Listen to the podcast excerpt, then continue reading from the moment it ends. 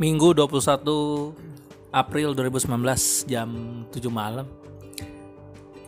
Asal bunyi ke episode 3. nggak ada skrip. Iseng aja.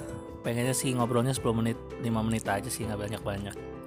Nah, di depan gue ada dua tokoh, anjay dua tokoh. Gak dong. Sekali. sahabat yang baru berjalan dua minggu. Jadi beliau-beliau ini adalah sahabat saya. Setelah saya menolak konsep sahabat dan saya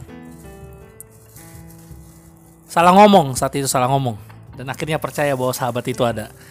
Depan gua ada Budi, Budiman Parasian Siombing, ketua PT GMI. PT GMI itu yang gue bahas di episode pertama, organisasi pemuda gereja yang ya banyak intriknya seperti yang gue bilang, dinamikanya banyak. Depan gua juga ada Tulus Yeskiel, drummer, salah satu penggagas kegalauan saya selama 2 tahun di gereja. Jadi eh, balik lagi memahami dan dimengerti dan dimengerti yang gue baper selama 2 tahun. Nah, salah satunya yang bikin itu Tulus. Yang ngatain My name is John Mayer. ngatain jelek gitu, ngatain jelek. Apaan? Nggak apa-apa nggak ma- nggak masalah kunyah dulu kunyah kunyah saya sambil berpikir Ah iya. Saya sambil berpikir. Tema hari ini adanya adalah adanya adalah mengasah gergaji. Mengasah gergaji. Kira-kira kebayang nggak? Gue mau bahas apa pak? Mengasah kemampuan. mengasah kemampuan kalau kata tulus. Kalau menurut Budi? Bergaji. Hmm, Oh, gua tahu. Mau jadi tukang kayu lu ya?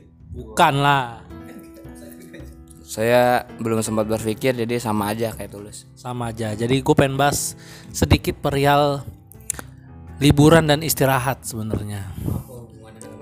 Nah ini nih, gini nih. Jadi ada suatu ketika tukang po- penebang kayu, penebang kayu sedang bekerja gitu. Dia bekerja kan, penebang kayu biasanya kerja pakai apa itu? Gua udah mulai masuk Kapak. Kapak. Gaji. Kalau kepepet mah gergaji lah anggap ya. Tolong lah ya, gergaji. Sesuai konten kawan ini. Nah. Eh, ada mungkin pisau dapur. Nah, si si penebang kayu ini punya temen juga. Namanya penebang kayu dua. Eh. penebang kayu dua. Tahan mendengar konten seperti ini. Sudah episode 3 ternyata Bapak itu. Iya, iya. Jadi penebang kayu satu itu bekerja 6 jam sehari. Penebang kayu dua juga bekerja 6 jam sehari. Tapi bedanya penebang kayu pertama itu kerja 6 jam nonstop. Sedangkan penebang kayu dua itu meluangkan waktu satu jam buat istirahat. Kira-kira penebang kayu yang mana yang bisa menghasilkan batang pohon lebih banyak? Menurut Pak Budi siapa? Lebih banyak secara logika yang 6 jam nonstop. 6 jam nonstop ya? Secara logika ya. Secara logika. Baik, menurut Pak Tulus gimana? Saya harus kontra sama dia. kontra ya? Demi konten. Kita tidak Iya. perlu berpura-pura. gue yang itu yang istirahat. Yang istirahat kenapa? Dia nggak ditanya kenapa? Ya gue nanya lu dulu. Oh, oke. Capek banget tangan gue bolak Karena kalau ini tuh sama kayak gue banget soalnya kalau ngapa-ngapain ya harus ada istirahatnya jadi ada waktu buat lo berpikir dan lebih produktif lagi gitu loh. Emang yakin, Mbak? Berpikir maksud gue lebih kayak eh, lu ya work smart lah lu mak- maksimalin waktu lu yang buat kerja ya kerja istirahat ya istirahat Ya tapi kan sayang waktu yang terbuang Se- istirahat padahal bisa menghasilkan sesuatu. kalau gua kerja ada waktunya istirahat ya ada waktunya juga Oke. apalagi kalau dalam hal ini kan kayu tembang kayu Nah, tapi kalau lu istirahat nggak ngelakuin apa-apa kan sama aja bohong. saya mengasah gergaji saya supaya lebih taj tetap tajam saat menebang pohon Luar biasa sesuai konteks tema kita pada malam ini. tanpa briefing Bapak kenapa pilih nomor satu secara logika? saya sebenarnya agak menyesal. Jawaban saya sebenarnya bukan ini, tapi ya udah. Menurut saya 6 jam nonstop pasti lebih banyak. Kenapa? Karena secara eh, secara 6 jam itu ber- eh, bekerja tanpa henti, otomatis produktivitasnya lebih tinggi dong. daripada yang hanya lima jam bekerja satu jam istirahat jadi satu jam istirahat itu dipakai untuk tetap bekerja Tapi kan alat yang digunakan lama-lama bakalan tumpul.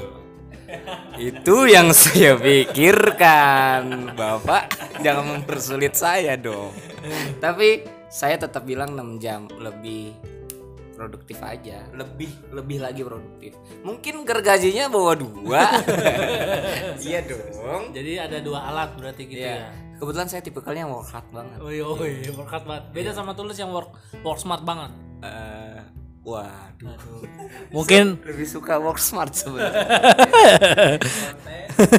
jadi bener eh, kalau ya kita pakai analogi perumpamaan itu sih sebenarnya memang alangkah baiknya kita ambil waktu buat berjeda. Minimal satu helaan nafas kita ber- berdiam.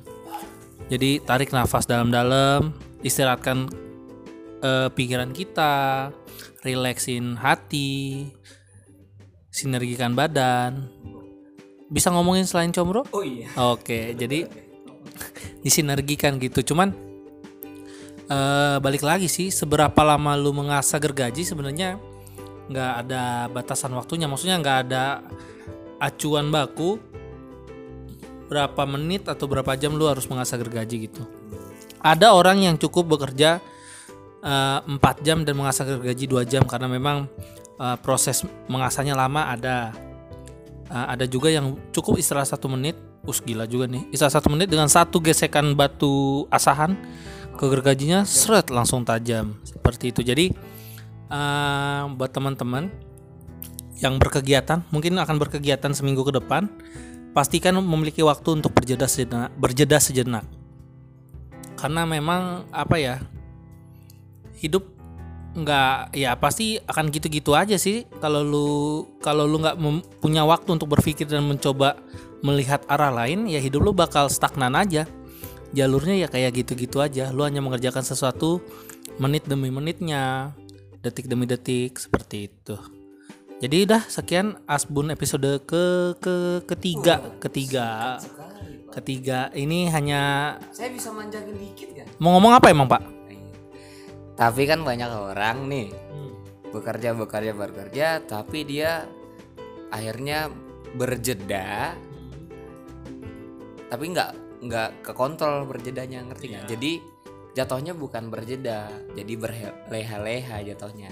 Itu kan sama aja mm, bikin kita malah semakin tidak produktif.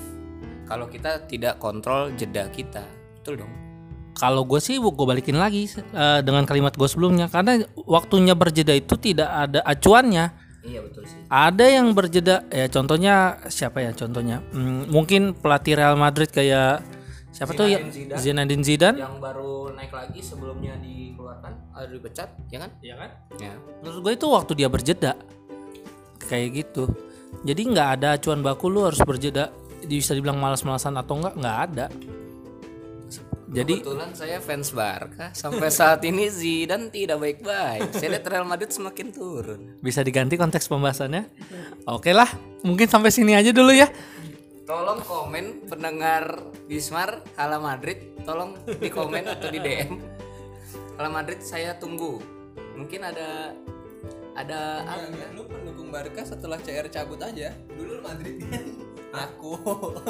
saya Arsenal tapi saya malu demi konten saya bilang saya Barca Ya udahlah, mau Barca, mau Madrid, yang penting Juventus 8 musim luar biasa. Terima kasih, terima kasih. Iya.